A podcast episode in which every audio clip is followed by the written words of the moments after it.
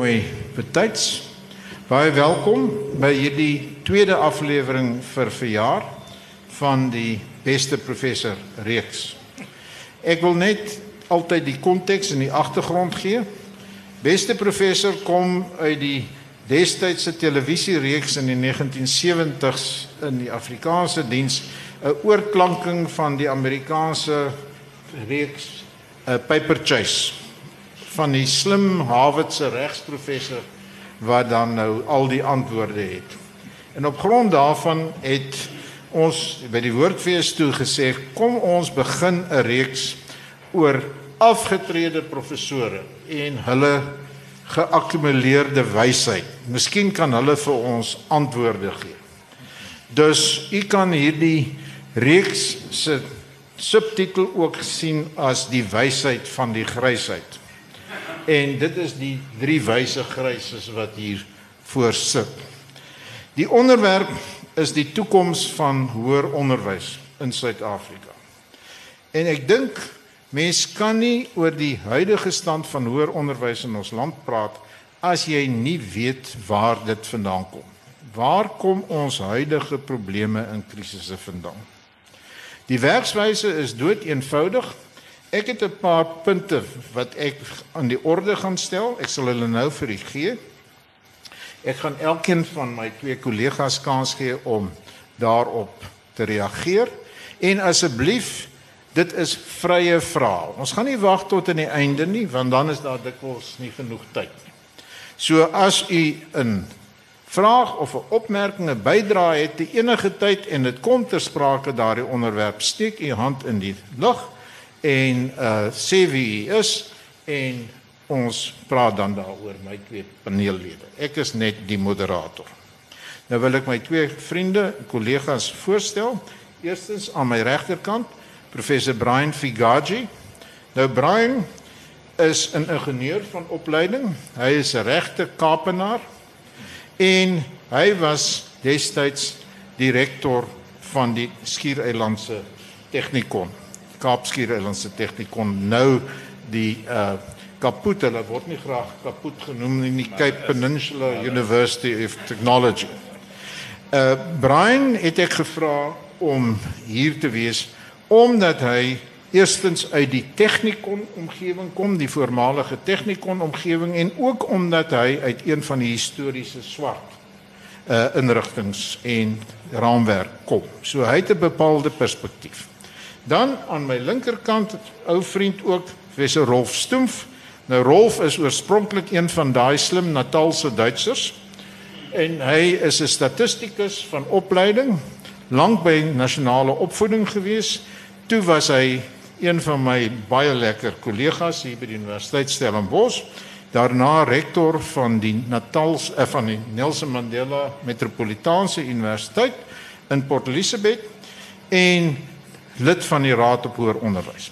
Hy kom dus uit 'n omgewing van die wit onderwys, hoër onderwys en uit die universiteitssektor. So ek dink ons het verskillende uh agtergronde en ervarings nie. Die ses vrae wat ek so as raamwerk wil gebruik, en dit is nie rigied nie, is die volgende. Eerstens, hoe is die huidige gesondheidstoestand van ons hoër onderwysstelsel? Is dit 'n probleem? Is hy floreerend? Gaan dit goed? Gaan dit sleg of iets tussen? Dan tweedens, as die diagnose is dat die huidige hoër onderwysstelsel siek is, dan die belangrike vraag vir wyse grys is, is waar kom dit vandaan? Waar dinge dan begin verkeerd loop? Derdens het dinge nie verkeerd geloop omdat daar nie voldoende diferensiering in die hoër onderwys is.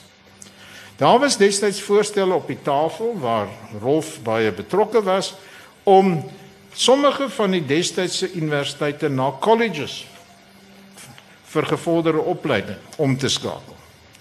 Om in plaas daarvan om almal universiteite te maak en in dieselfde sous oor almal te gooi, eerder meer te diferensieer volgens die land se behoeftes. Is dit nie dalk 'n probleem nie? Vierdens, Die autonomie van universiteite. Is die autonomie van universiteite tans in gedrang? As die autonomie in gedrang is of verminder word of vermeerder word, is dit 'n goeie of 'n slegte ding. En daar is lesse uit Afrika te leer, die res van Afrika. Vyfdens. NSFAS, National Student Financial Assistance Scheme, wat nou die gesien word as die medisyne vir al die siektes deur die regering. Baie meer geld ingepomp as in die verlede die geval was. Is dit 'n goeie ding? Is dit te min geld? Te baie geld? Is waarheen gaan ons met NSFAS? En dan ten slotte, my kant, maar u kan baie dinge opper ook. Private hoër onderwys. Daar's baie mense wat nou die staat se hoër onderwyssektor afskryf en sê oplossing is private hoër onderwys. En natuurlik is daar ondernemers soos meneer Janie Mouton hulle van PSG wat nou 'n gaping sien en in hoër onderwys wil inweeg. Dis nou afgesien van instansies so solidariteit met hulle akademia nog nie universiteit nie maar amper universiteit wat hulle tot stand gebring het. Dus dit is ons agenda, maar dis net 'n raamwerk. Kom ons kop af. Brian, met jou begin. Hoe sien jy die huidige gesondheid van hoër onderwys in Suid-Afrika? Ja, net bietjie nader. Jammer. As as ons kyk na uh, ons president nommer 1. Hy het geen ervaring van hoër onderwys nie. So so sy raamwerk is wat mense vir hom sê en wat hy hoor. En die tweede raamwerk is die ondersteuning wat hy moontlik kan kry vanaf studente en personeel. So dis sy die enigste raamwerk. So as ek vir hom moet vra, sal jy hoër onderwys verdedig? Dan is dit 'n vraagteken vir my. As ek my kabinet kyk, dan is dit grootendeels dieselfde.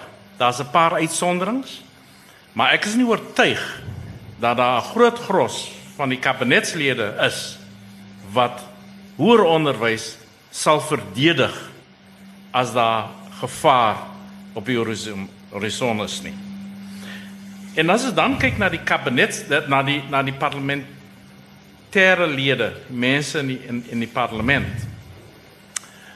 Is dit veel anders? Is dit veel verskillend? Ek weet nie. Ek vra myself af as ons uh miskien 'n peiling doen uh onder die parlementslede en hulle vra is hoër onderwys belangrik genoeg vir die samelewing en die ekonomie van die land is ek onduidelik wat die grootte meerderheid se antwoord sal wees so ek dink Ek is nie seker dat as daar 'n dreigement is, uh was daar iets is wat die wat die toekoms van hoër onderwys dreig nie.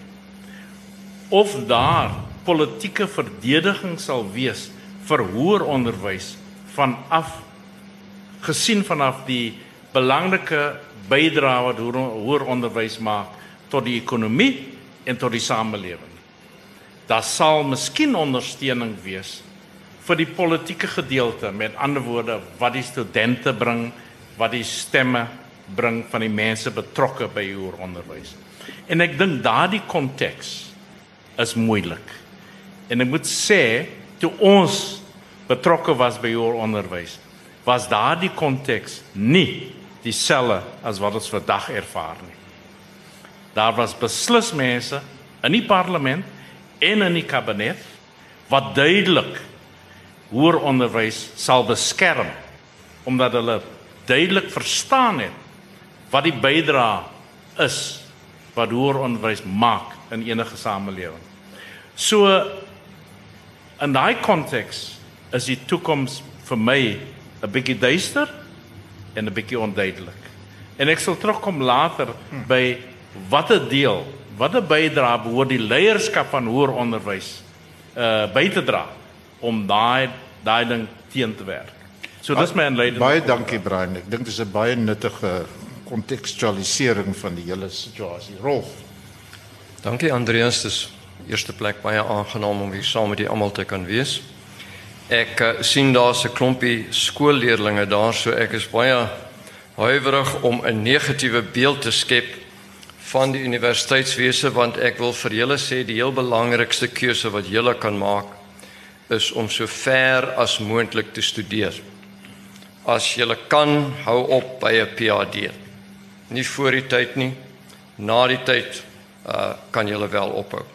Ek wil aansluit by Brian die totale gebrek aan leierskap vanuit die regering se kant uh vir die hoër onderwyssektor was nog nooit so duidelik soos verlede jaar met die fees must fall beweging en met die sogenaamde insourcing beweging wat nou betrekking het op uh werkers, skoonmakers, tuiniers en so meer sekuriteitspersoneel wat uh in ander maatskappye se diensstaat was, op hulle diensstaat was wat nou deur universiteite oorgeneem moet word. Daar is geen manier hoe universiteite elkeen op hulle eie of selfs gesamentlik hierdie hele beweging uh, kon hanteer en die staat die regering het geskitter in sy afwesigheid van enige 'n uh, raamwerk waarbinne die saak hanteer kon word. Uh of universiteite nou ernstiglik siek is, daar is van hulle wat ek meen siek is, maar die universiteite is amper soos die Italiaanse samelewing.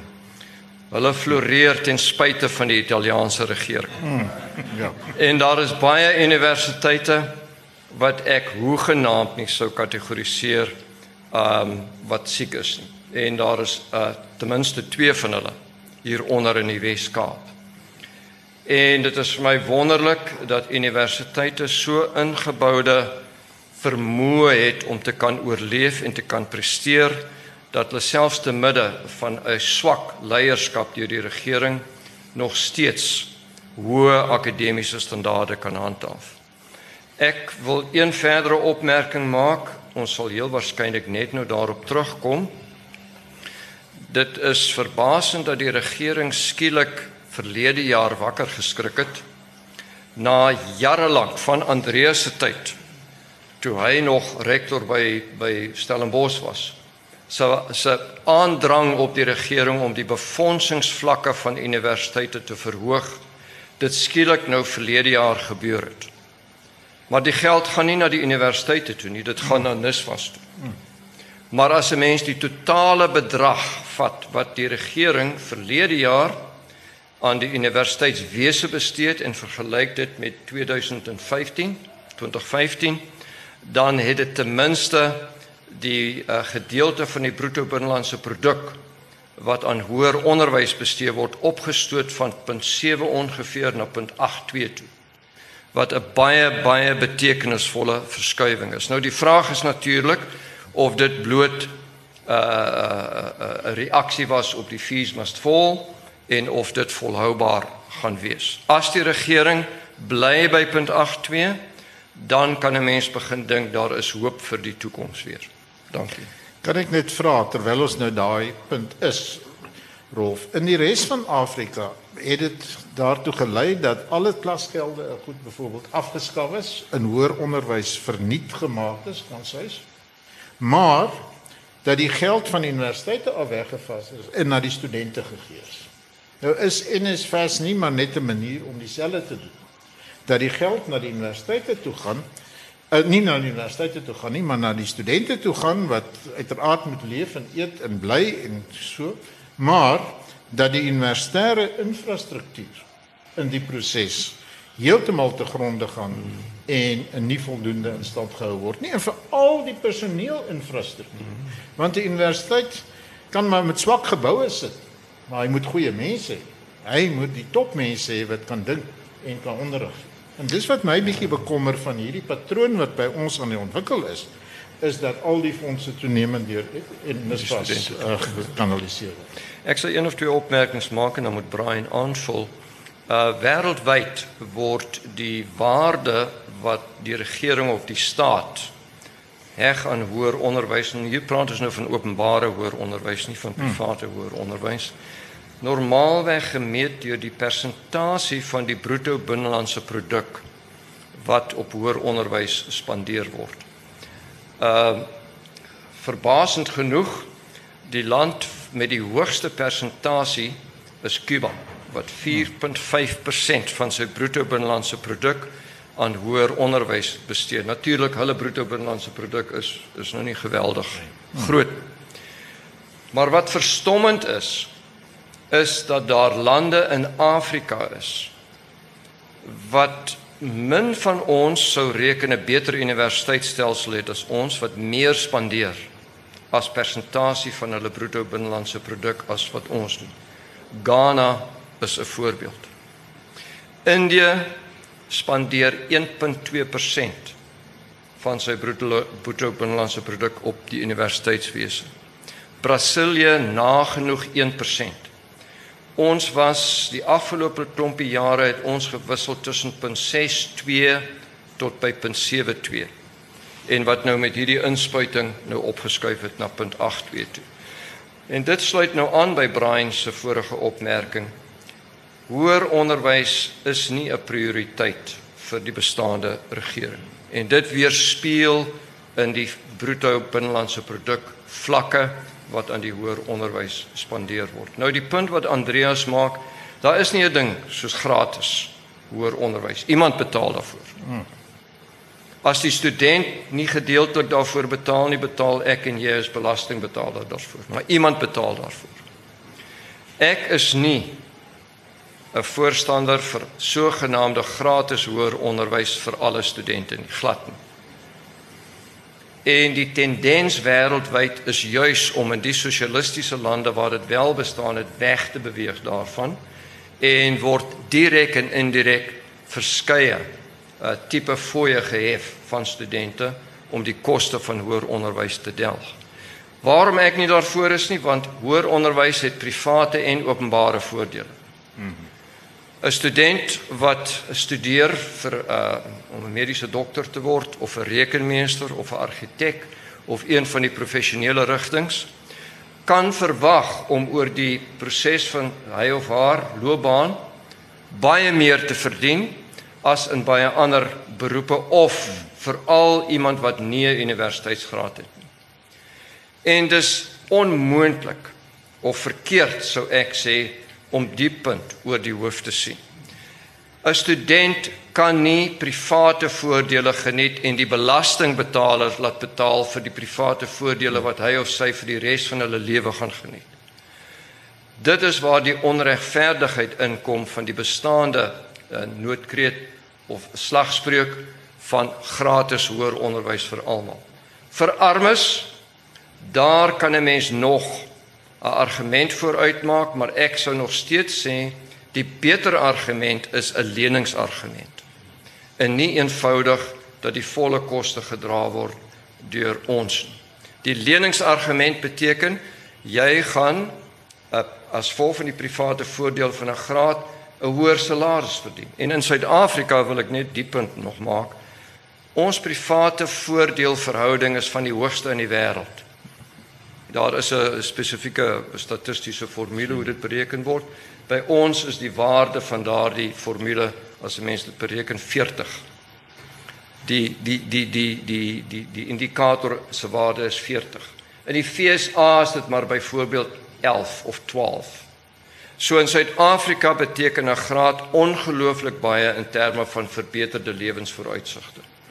En daarom dink ek dis verkeerd om al die geld na NISVAS te laat vloei want onteenslik onteenseglik gaan universiteite se infrastruktuur, mensehulpbronne, toerusting, geboue daaronder skade ly. Brian, Okay. ja. Ja. Ja.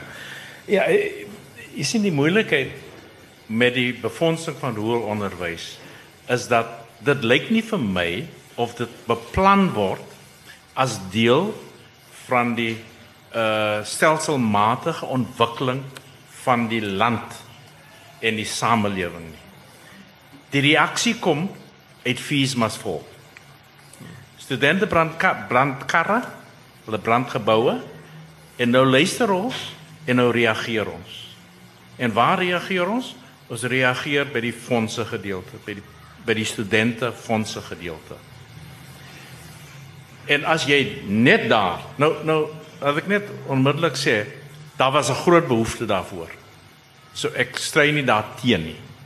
Ek dink daar was die moeilikheid met Nisvers geskiedkind geskiedenis, die histories is dat sy sy maksimum was 'n in familieonkomste van 105 125000. Ja.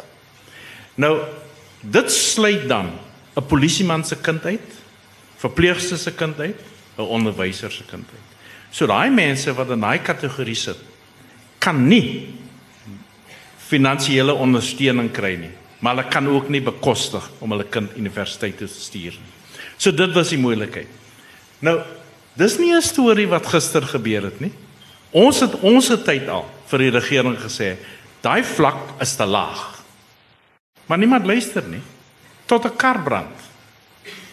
En nou het ons fees mas vol. Nou wat vir my pla oor fees mas vol. En dit is baie goeie goed. So ek is nie totaal daarteen nie. Maar wat my pla is dat dis die begin van 'n aksie vir my. Studente sien nou dat dis die die die die NSFAS ondersteuning is nou die eerste gedeelte van fees mas vol. En as hulle nou daarbey aanhou, gaan hulle nie net fees verniet hoër onderrig kry nie. Hulle gaan die autonomie, die autonomie van die inrigtinge verkrag. So dis 'n baie groter storie as net fees mas vol. En tensy die leierskap by die universiteite duidelik hieroor is, het ons probleme vorentoe. En vir my is dit 'n bietjie van 'n probleem dat ons universiteit leierskap nie waardes ek daar's iets vir my verkeerd. Daar's nie 'n ding, daar's nie gesprek oor waardes nie. As ek net kyk, hoe praat die studente met die fisierektor of die fisiekanselier? Nou, as daar nie wederwysige respek is in 'n hoër onderwysinrigting nie, dan is daar iets verkeerd. So ons leer vir hulle wiskunde, maar ons leer nie vir hulle die menslike waardes nie. En ek dink dis iets wat ons wel 'n bietjie moet ondersoek. Daai sagte waardes vergeet ons van. Hulle val agterin en ons kyk net na die nommers en die syfers en Iemand moet opstaan en vir die studente sê ek is bereid om met julle te praat, maar nie onder hierdie omstandighede nie. En as julle reg is om met my te praat, dis die reëls vir gesprek voer, kom sien my. En tot tyd en wyl as jy dit sê nie, gaan ons aanhoudend karring aan die autonomiteit van die inrigtinge. En dit pla. So en dan's 'n paar goed. Want nou het die het die feesmas vol begin. Die minister gryp in. En dit word nou politiek. Die leierskap van die universiteite staan terug van hulle paniek, van hulle kry nie die ondersteuning wat hulle behoort te kry van die minister nie. Die minister neem 'n besluit, so hy verkrag hulle autonomiteit. Die president neem 'n besluit en nou is daar chaos. En nou wil hulle weer daai rugbybal terug na die leierskap van die universiteite toe gee. En nou moet jy daai ding optel in 'n milieu wat taamlik moeilik is. So ons dit lyk vir my ons maak moeilikheid vir mekaar in plaas van universiteit leierskap, departement hoër onderwys en die regering saamwerk met 'n duidelike doelwit van wat ons vir die land sien. En dis die ding wat ontbreek. Baie dankie. Ek dink dat ons 'n bietjie aanbeweeg dan na die volgende aspek. Op die huidige stadium weens swak beplanning, swak leierskap, gaan dit net oor ons kan meer wil meer studente in universiteite hê. Ons wil meer studente in universiteite hê. Wat is dit die pad om te gaan bring? En dit bring my by die vraag van die struktuur van ons hoër onderwys. Het ons nie dalk te veel instellings wat hulle self universiteite noem? Ek het nie 'n kleintjie dood oor die titel universiteit nie. As jy universiteite van tegnologie het of jy het Polytechs of jy het Technikons, dis etikette. Dit maak nie vir my saak wat se naam jy het. Maar die is ons instellings diferensieer genoeg. Ek sê altyd vir buitelanders en nou moet party van my gewese kollegas my maak kruis. Ek sê Suid-Afrika het so 6, 7, 8 werklike universiteite as jy kyk na die internasionale standaarde.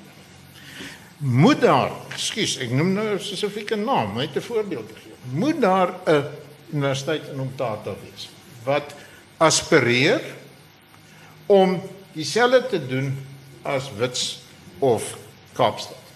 Of moet daar nie eerder ek kan ek wil weer sê, maak nie saak wat jy hom noem.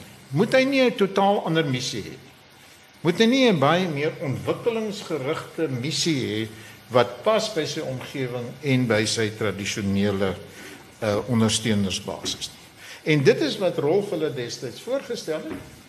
En weens politieke druk het Kader Asmal gesê not the wheel en het allerlei vreemde dinge gebeur soos die samevoeging van instellings wat baie goed geposisioneer was hier wil ek Brian se instelling noem die ou Pentech was werklik goed geposisioneer 'n instelling van gehalte toe gooi hulle hom saam met die Kaapse Technikon en saam met is die die onderwys college in Wellington en jy kry met alle respek 'n dier Bedank ek. ja 'n dier wat nie seker is wat hy is nie so kan ons bietjie praat oor daai hele problematiek Rolf. Ja, nee, goed, ek ek ek wil daar net eerstens sê die wet op hoër onderwys is is verlede jaar gewysig. Vroeg hierdie jaar dink ek is dit nou gepromulgeer wat nou voorsiening maak vir nuwe hoër onderwysinstellings. 'n hmm. Hoër onderwys college of 'n universiteitskollege. nou tog is die solplaatjie gestig as 'n as 'n universiteit. in nou, Kimberley Nou die die wysiging die kom nou ongeveer 15 jaar na die werk wat Brian en ek en 'n klompie ander gedoen het oor diferensiasie in die hoër onderwys en die vraag is natuurlik uh ek kan nie sien dat daar enige wil by die regering bestaan om nou van die bestaande universiteite te herklassifiseer as 'n universiteitskollege of as 'n hoër onderwyskollege. 'n Universiteitskollege sal tipies nie navorsing doen op 'n baie wye terrein nie, maar sal miskien in enkele studieterreine tot by 'n PhD gaan, meestal net tot by 'n magister. 'n Hoër onderwyskollege sal hoofsaaklik 'n onderrig 'n college wees, voorgraadse onderrig college. Ek tensy ek heeltemal verkeerd is, dink ek dit is vir toekomstige instellings bedoel en nie om die probleem waarna Andreas nou verwys het reg te stel in terme van om 'n gedifferensieerde stelsel te skep. Ons in Suid-Afrika het baie goeie universiteite. Ek wil vir u sê dat van ons universiteite vermag meer met dit wat hulle ontvang uh gemeet in terme van hulpbronne van die staat en andersins as wat baie baie ander lande se universiteite uh, reg kry. Uh van ons universiteite en as u wil kan ek 'n klompie noem, um Universiteit Kaapstad, Stellenbosch, Pretoria, Wits, Rhodes, uh UWK ten spyte van al sy probleme met die fees must fall doen, Doen doen baie baie goed. baie goed. Um op die navorsingsterrein. Uh Universiteit van KwaZulu-Natal het so 'n bietjie deur 'n moeilike tyd gegaan, maar word nog steeds gereken as 'n baie baie goeie universiteit. Ek wil vir u sê ek het 'n dogter wat by Stellenbosch studeer het, voorgraads. Sy het haar magister by die Universiteit van Michigan gedoen. Nou die Universiteit van Michigan in terme van ranglyste is onder die top 15, 20 in die wêreld. Sy het vir my gesê sy dink haar universiteitsopleiding by Stellenbosch was van 'n hoër gehalte as dit wat sy by Michigan ontvang het. So u moet asseblief nie dink dat wanneer Brian en ek en Andreas praat dat ons oor al die universiteite praat. Daar is sekere universiteite wat ten spyte van al die probleme ligpunte in ons universiteitsomgewing is.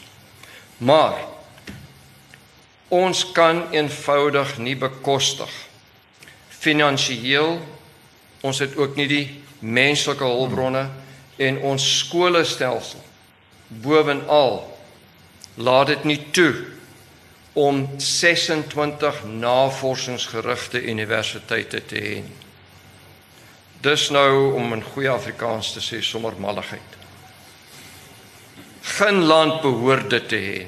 Nou ek verstaan dat daar is 'n apartheidsgeskiedenis. En destyds toe ons die voorstelle gedoen het van sommige onderriginstellings, sommige wat tot 'n magistervlak mag gaan en dan ander tot PhD vlak, was die groot argument maar al die PhD instellings gaan histories wit instellings wees. En daarom het ons 'n voorstel gedoen om dit polities meer haalbaar te maak. En ek verstaan daardie argument. Maar as 'n mens na die FSA toe gaan, is daar 4-jarige colleges wat van wêreldgehalte is. En as 'n mens met die 4-jarige colleges gaan praat, sê hulle vir jou ons het geen begeerte om 'n magister of 'n PhD aan te bied. Ons wil die beste 4-jarige college ter wêreld wees. Nou om een of ander rede kry ons dit net nie reg in Suid-Afrika om so ethos te skep nie. En ek kan nie verstaan waarom sekere inrigtinge nie besef hulle sal nooit 'n wits wees of nooit 'n Stellenbosch of 'n Aatjies nie. Waarom dan nie die beste 4-jarige of die beste tot op magistervlak instelling wat Suid-Afrika nog ooit gesien het wees? Dis moontlik, dis haalbaar, dis doenbaar. Duitsland het 'n baie harde besluit geneem. Hulle het gesê ons gaan 7, 8 universiteite kies en hulle gaan meeding met die Harvards en die Stanfords en die Oxford en die Cambridges van die wêreld. Die res ons gaan nie al 111 of 112 universiteite probeer oor dieselfde kam skeer. Ons het net polities nie die wil daartoe nie en ons betaal 'n duur prys van middelmatigheid oor die grootste deel van ons stelsel daarvoor. Hmm. Right. Ja, ja, ek um, ek ek dink Rolf moet net 'n bietjie uitgebrei oor daai verslag wat ons gedoen het. Maar laat ek net eers sê Umtata het 'n universiteit nodig. Maar met die regte missie. Ja. Want dis nie net 'n universiteit nie. Die die dorp bestaan om daardie universiteit. So dis 'n dis 'n ekonomiese aktiwiteit. Daar daar's 'n klomp ander goed waar ek kom. Of hy nou die regte goed doen is 'n is 'n ander vraag. En ek dink wat ons ek en Rolf 'n komitee gedoen gedien waar ons voorstelle moes gemaak het vir Kade Asmal oor die diferensiasie. Ek dink ons het een fout begaan. Ons het die inrigtinge ingedeel in research, comprehensive en hier kom die vraag, bedrock. Dit was 'n slegte naam. Dis 'n slegte naam. Maar dit het bedoel fondasie. En ons het die inrigtinge ingedeel. En ons het ook gesê dis dis ons moenie dit in die verslag sit nie, maar daar was 'n paar mense by die komitee wat aangedring het dat ons in die verslag moet sit. En dit maak die ding dan onmiddellik polities. Want nou sien die mense waar sit hulle? En dan sê hulle vir jou jy wil vir my 'n bedrock maak. Wat is jy mal? Uh ons wil almal navorsing doen.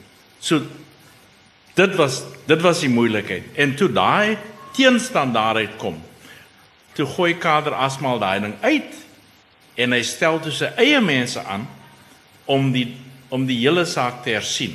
Want in Kade Asmal se kop wou hy inrigtinge saamsmelt.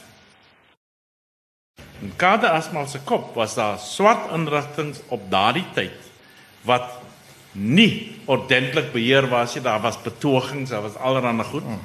En toe dink hy dat as hy Noordwes met Mafeking hmm.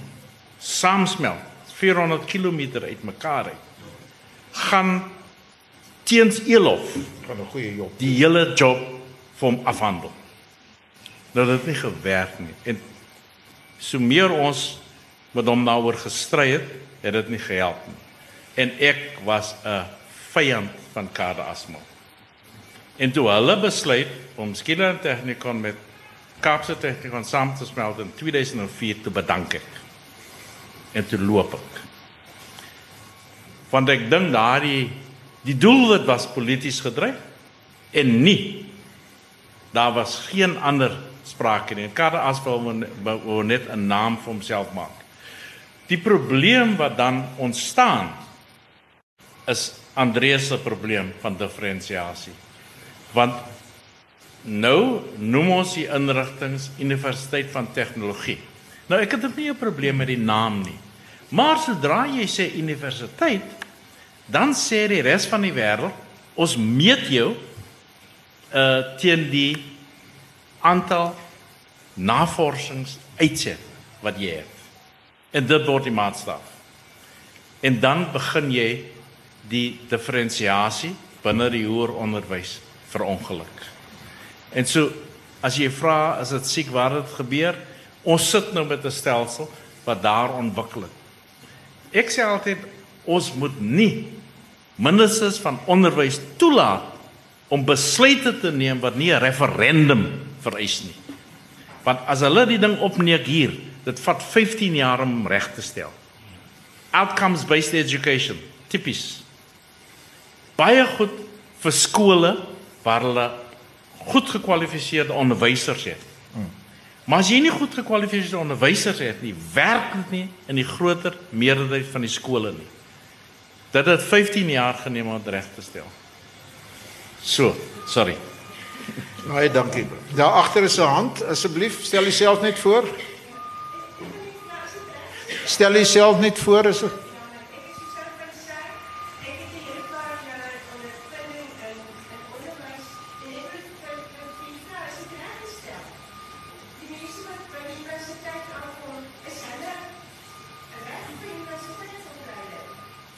Uh nee nee, ek ek ek praat nie van die van wat aan die hmm. eind van die pipeline uitkom nie. Ek sê net die metode van onderrig die die verandering wat ons in skole aangebring het deur beleid het moeilikheid veroorsaak binne die skoolstelsel. Ja. Die mense wat jammer. Wil nie gaan skool hou nie. O, o. Nee, hulle wil nie ja. Dat dat dis nie meer outcomes based nou nie, nee. Nee, ek dink wat mevrou van Sail sê is die daai stelsel van outcome based het die hele skoolstelsel ernstig seer ja, ja, gemaak. Ja, dit is absoluut. Ek stem jou saam. Maar maar ek wil daarom net byvoeg mevrou. Ehm um, ek dink nie dit het veel verander nie in terme van die formeel afgeskaf maar in, in terme van die produkte wat by die universiteit aankom. En dit wissel geweldig.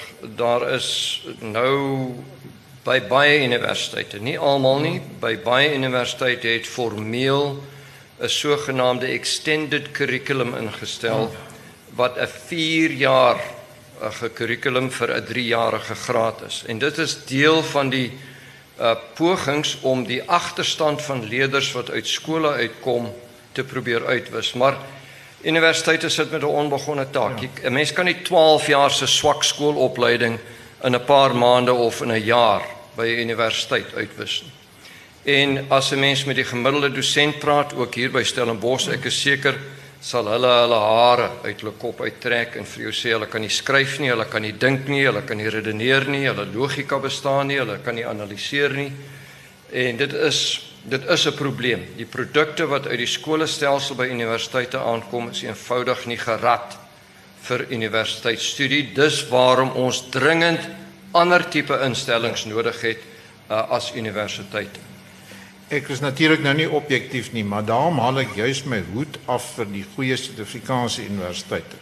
Want hulle verrig wonde. Ja. Jy sê jou dogter se opleiding was op internasionale vlak maar die materiaal waarmee die universiteite begin by ons en dan produseer hulle op die ou end mense wat op internasionale vlak is. So dit is 'n verskriklike uitdaging en danksy mense soos Dr. Jan Botha en so wat ek hier sien sit wat in daai omgewing gewerk het, hulle het hierdie dinge uh, bestuur. Maar kom hier voor Pieter Stoffberg. Van Hermanus meneer Stoffberg was regsman by uh, Premier Foods in die Parel.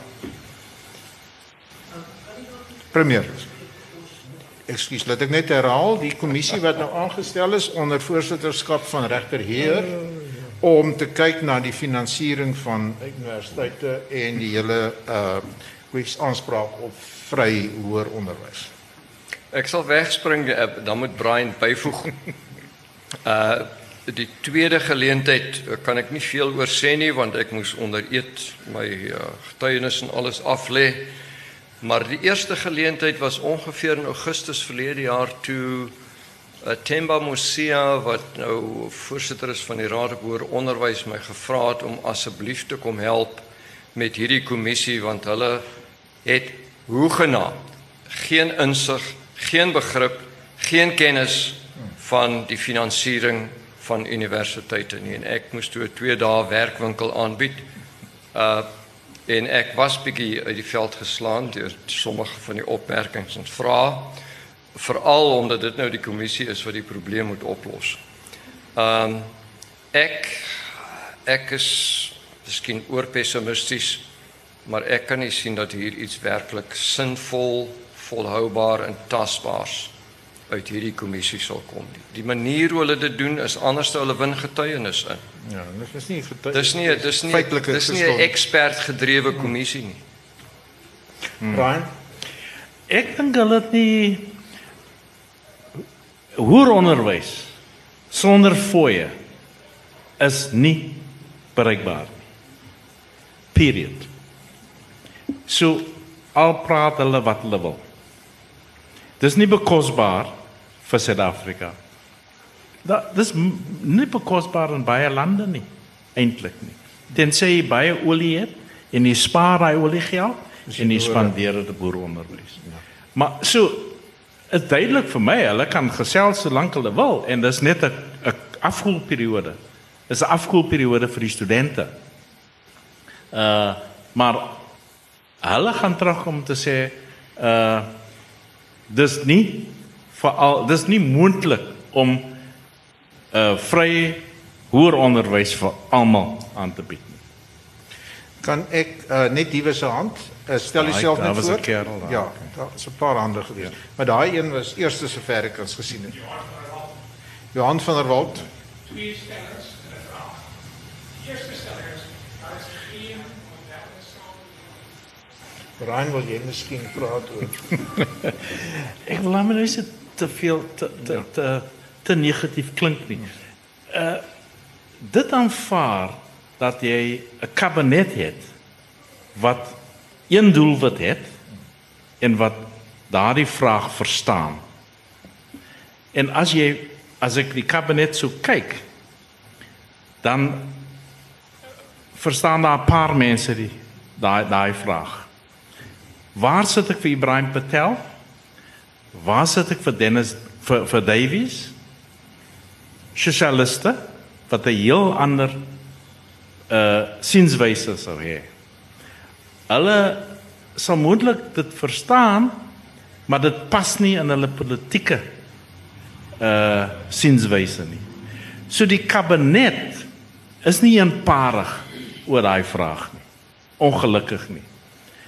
Nou en baie keer kan jy verwag van 'n span van mense dat daar dat daar nie samehorigheid is oor 'n saak nie. Maar dan jy iemand nodig wat nommer 1 is wat sê luister manne, soontoe gaan ons. Nou as jy daai ou as hy ontbreek en hier's verskille hieronder. en ek dink dis die probleem wat ons het. So so sekere mense sal praat van die belangrikheid van hoër onderwys. Maar daar's nie samehorigheid om hoe om dit te doen nie. Nou kom ons en dit is duidelik oor uh as as ons kyk na die inmenging van die unies en ek is glad nie teen unies nie. Maar die inmenging van die unies in onderwys en in gesondheid. En hoe as die minister wil terugstoot en ek moet sê ek het 'n groot respek vir Angie, maar check op daai ding. Sy wil vir Satu aanvat. En sy wil hulle terugstoot. Maar dan draf hulle na nommer 1 toe en dan word sy teruggestoot. Nou as jy daai soort speling het, dan is dit baie moeilik om 3 tree vorentoe te vat sonder om 5 agter te neem. Baie dankie Brian. Ekskuus kollegas, ek weet hier's allerlei hande, maar nou moet ons uh darm uh regmaak amper vir die einde. En ek dink een vraag, ek wil nog een van die bloemoffers natuurlik ook 'n kans gee om 'n vraag te vra, maar ek dink ons moet kom by die vraag van hoër onderwys in die privaat sektor. Want dit is 'n kwessie wat by baie mense lewe. Ek verstaan dat die aansoeke by byvoorbeeld akademia geweldig die hoogte ingeskiet het. Daar's mense wat begin praat, dis natuurlik nou die meer welvarendes om hulle kinders oor see te stuur. Daar is Monash se tak in Rodepoort wat tot dusver nou nie 'n skitterende sukses was nie, maar ek sal tog graag by julle twee here wil hoor. Dink julle privaat hoër onderwys in Suid-Afrika gaan 'n deel van ons werklikheid word? Ek praat nie as 'n randverskynsel nie, maar soos in Brasilië en in ander derde wêreld lande soos in Kenia byvoorbeeld uh, is dit 'n geweldige belangrike deel van die hoër onderwysstelsel. Rolf? Ehm um, ja, Andreas, tensy die regering bereid is om uitnemendheid te begin ondersteun, uh nie net met woorde nie, maar met beleidsraamwerke en uitnemendheid beteken dan diferensiasie. Tensy die regering bereid is om dit te doen, kan die openbare hoër onderwys oor 20, 30, 40 jaar al meer en meer na middelmatigheid gedryf word. Uh die privaat sektor oor die algemeen is op uitnemendheid gerig en is minder polities ingestel. In Suid-Afrika dink ek nie ons is op die oomblik nog reg vir 'n geweldige omvangryke privaat sektor hoër onderwys beweging nie, maar ek moet vir u sê dat uh Kuro of Embry nou uh, PSG se nuwe beweging ehm uh, dink ek gaan beslis 'n verandering teweegbring. Ek moet vir u sê daar is baie baie baie groot kapitaalkragtige rolspelers wat in die privaat hoër onderwys wil beweeg. Nou die dilemma is uh algemene universiteit so Stellenbosch of Kaapstad of Pretoria is ongelooflik duur. Hm. En Andreas sal weet kruissubsidiering die vind plaas by elke universiteit waar die minder duur instellings 'n uh, uh, studieprogramme met baie hoë studentegetalle die word dan gebruik om die duurder studierigtinge te ondersteun waar die studentegetalle nou bietjie minder is. Nou dit is moeilik uh om dit in 'n privaat instelling onmiddellik reg te kry. So privaat instellings word normaalweg gekenmerk deur 'n baie beperkte getal studierigtinge. Soos byvoorbeeld akademia, hulle begin maar ja. met die goedkoop handels. Ja, hulle begin met die handels en baie min van hulle sal die natuurwetenskappe hmm. aanbied of die mediese wetenskappe. Nou oor see uh, is dit bietjie anderste, maar daar is geweldige belastingaftrekkings in die FSA verskenkings aan universiteite privaat of nie. Hmm. So in Suid-Afrika dink ek ja, die privaat hoër onderwysbeweging die gaan beslis groei. Dit is so daar is welvarende ouers uh wie se kinders veral op die oomblik nie medies kan studeer as gevolg van kwota stelsels en hulle stuur hulle kinders ten duurste na België, Holland, Duitsland, uh, Verenigde Koninkryk, FSA wat nie kan wag vir 'n privaat mediese universiteit in Suid-Afrika. En ek wil vir u sê ek is verlede jaar deur 3 onafhanklike kapitaalkragtige instellings genader oor wat behels dit om 'n privaat mediese hmm. universiteit te begin. Ek dink hulle het bietjie geskrik vir die regulatoriese um, hekkies waaroor 'n mens moet spring. Maar ek wil vir u sê die privaat hoër onderwys is hier om te bly en ek dink dit gaan net gedei en dit gaan groei en hoe swakker die regering se ondersteuning en leiding is, hoe meer ruimte skep hulle vir die privaat sektor om in hierdie gaping in te beweeg van uitnemendheid. En ek ek dink as u nou vir my sou sê as ek nou Janie Mouton was, dan sou ek gesê het ja, dis presies die regte ding wat hy doen op die regte tyd. Uh die investering gaan tyd neem dit gaan nie onmiddellike rendement lewer nie maar ek moet vir u sê dat soos in baie ander Afrika lande dink ek die privaat hoër onderwysstelsel is ons voorland. Net net uh, een ja. kommentaar. Uh, uh, byvoeg by Rolf. Uh die universiteite wat gaan seer kry, soos die privaat universiteite groei, is die groot geskiedenis ges, die die die ou blanke universiteite. Stellenbosch, UCT, Rhodes, daai ouens. Want daar is die kinders van die Kan mense betaal. wat kan bekostig. So hulle gaan seer kry. En dit bedoel die navorsing gaan seer kry. En dan kan jy maar daai ding deurtrek. En dan kan jy sien wat die ja. gevolge gaan Ongetwyfeld. wees. Ja. So dis moeilikheid. Nou net een van die bloemhof is 'n sekere vraag. Ek bedoel hulle is die studente van die toekoms. Wie van julle wil graag vir ons julle julle opmerkings en vrae deel? Wie is jy? Hallo Louise. Ja. Dit word nou gesien as 'n middel natuurlik vir sosiale uh noem dit gelykskakeling, sosiale vordering. So hier sit 'n ryk man langs my O, en sy kind gaan nou verniet gratis hoëronderwys kry. Ja. En ek is arm. Uh dink jy dit ek kry dit ook geniet, verniet. Is dit gaan dit gelykheid teweegbring? Die, die, die vraag is help dit vir die student om sy hoër onderwys ehm um, leerplan te voltooi of help jy die ouers om dit moontlik te maak? So as jy as jy daai vraag vra, dis dieselfde as 'n uh, belasting. Betaal almal dieselfde belasting? progressiewe belasting of betaal as 'n progressiewe belasting. Want progressiewe belasting word gesien as gelykheid te bewerkstellig. So as jy dieselfde analogie gebruik, dan kan gratis onderwys nie gelykheid bewerkstellig nie. Kan ek net 'n voorbeeld gee? Ekskuus, dan moet ons afsluit. In Brasilië het jy presies daardie toestand. Ek sê altyd Suid-Afrika is op pad om Brasilië te word. Ek hopelik dan 'n goeie scenario. Maar in Brasilië het hulle goeie staatsuniversiteite wat geen klasgelde vra nie en hulle duur privaat universiteite wat oor die algemeen van mindere gehalte is.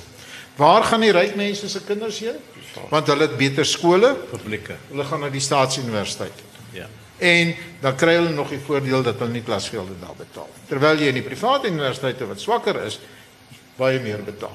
So die wet van onbedoelde gevolge kan baie sterk hier. Maar Andreas, laat ek net byvoeg. Die moeilik in Brasilië is dat in die, op die skoolvlak is daar privaat skole wat baie goed is.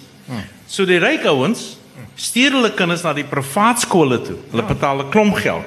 Hulle kry goeie punte. Die universiteite het 'n toelatingsvereiste. Ja, dis. En nou doen jy aansoek vir toelating. En nou kry die ryk ouens se kinders wat privaat Ja. skole by die beste universiteite. Ja. Dis Dis, wat by ons sal gebeur. It's a punitive state. Ja. Ek wil afsluit en ek wil vir u sê baie dankie vir u deelname. Jammer vir die mense wat hulle hande opgehaat het en nie aan die beurt gekom het nie, maar ek is seker die twee here is nog bereid om vir 3 of 4 minute te hang. Ja. En u aan te spreek. Baie dankie vir u deelname. U was 'n uitstekende gehoor wat ek dink baie bygedra het ook. Baie dankie.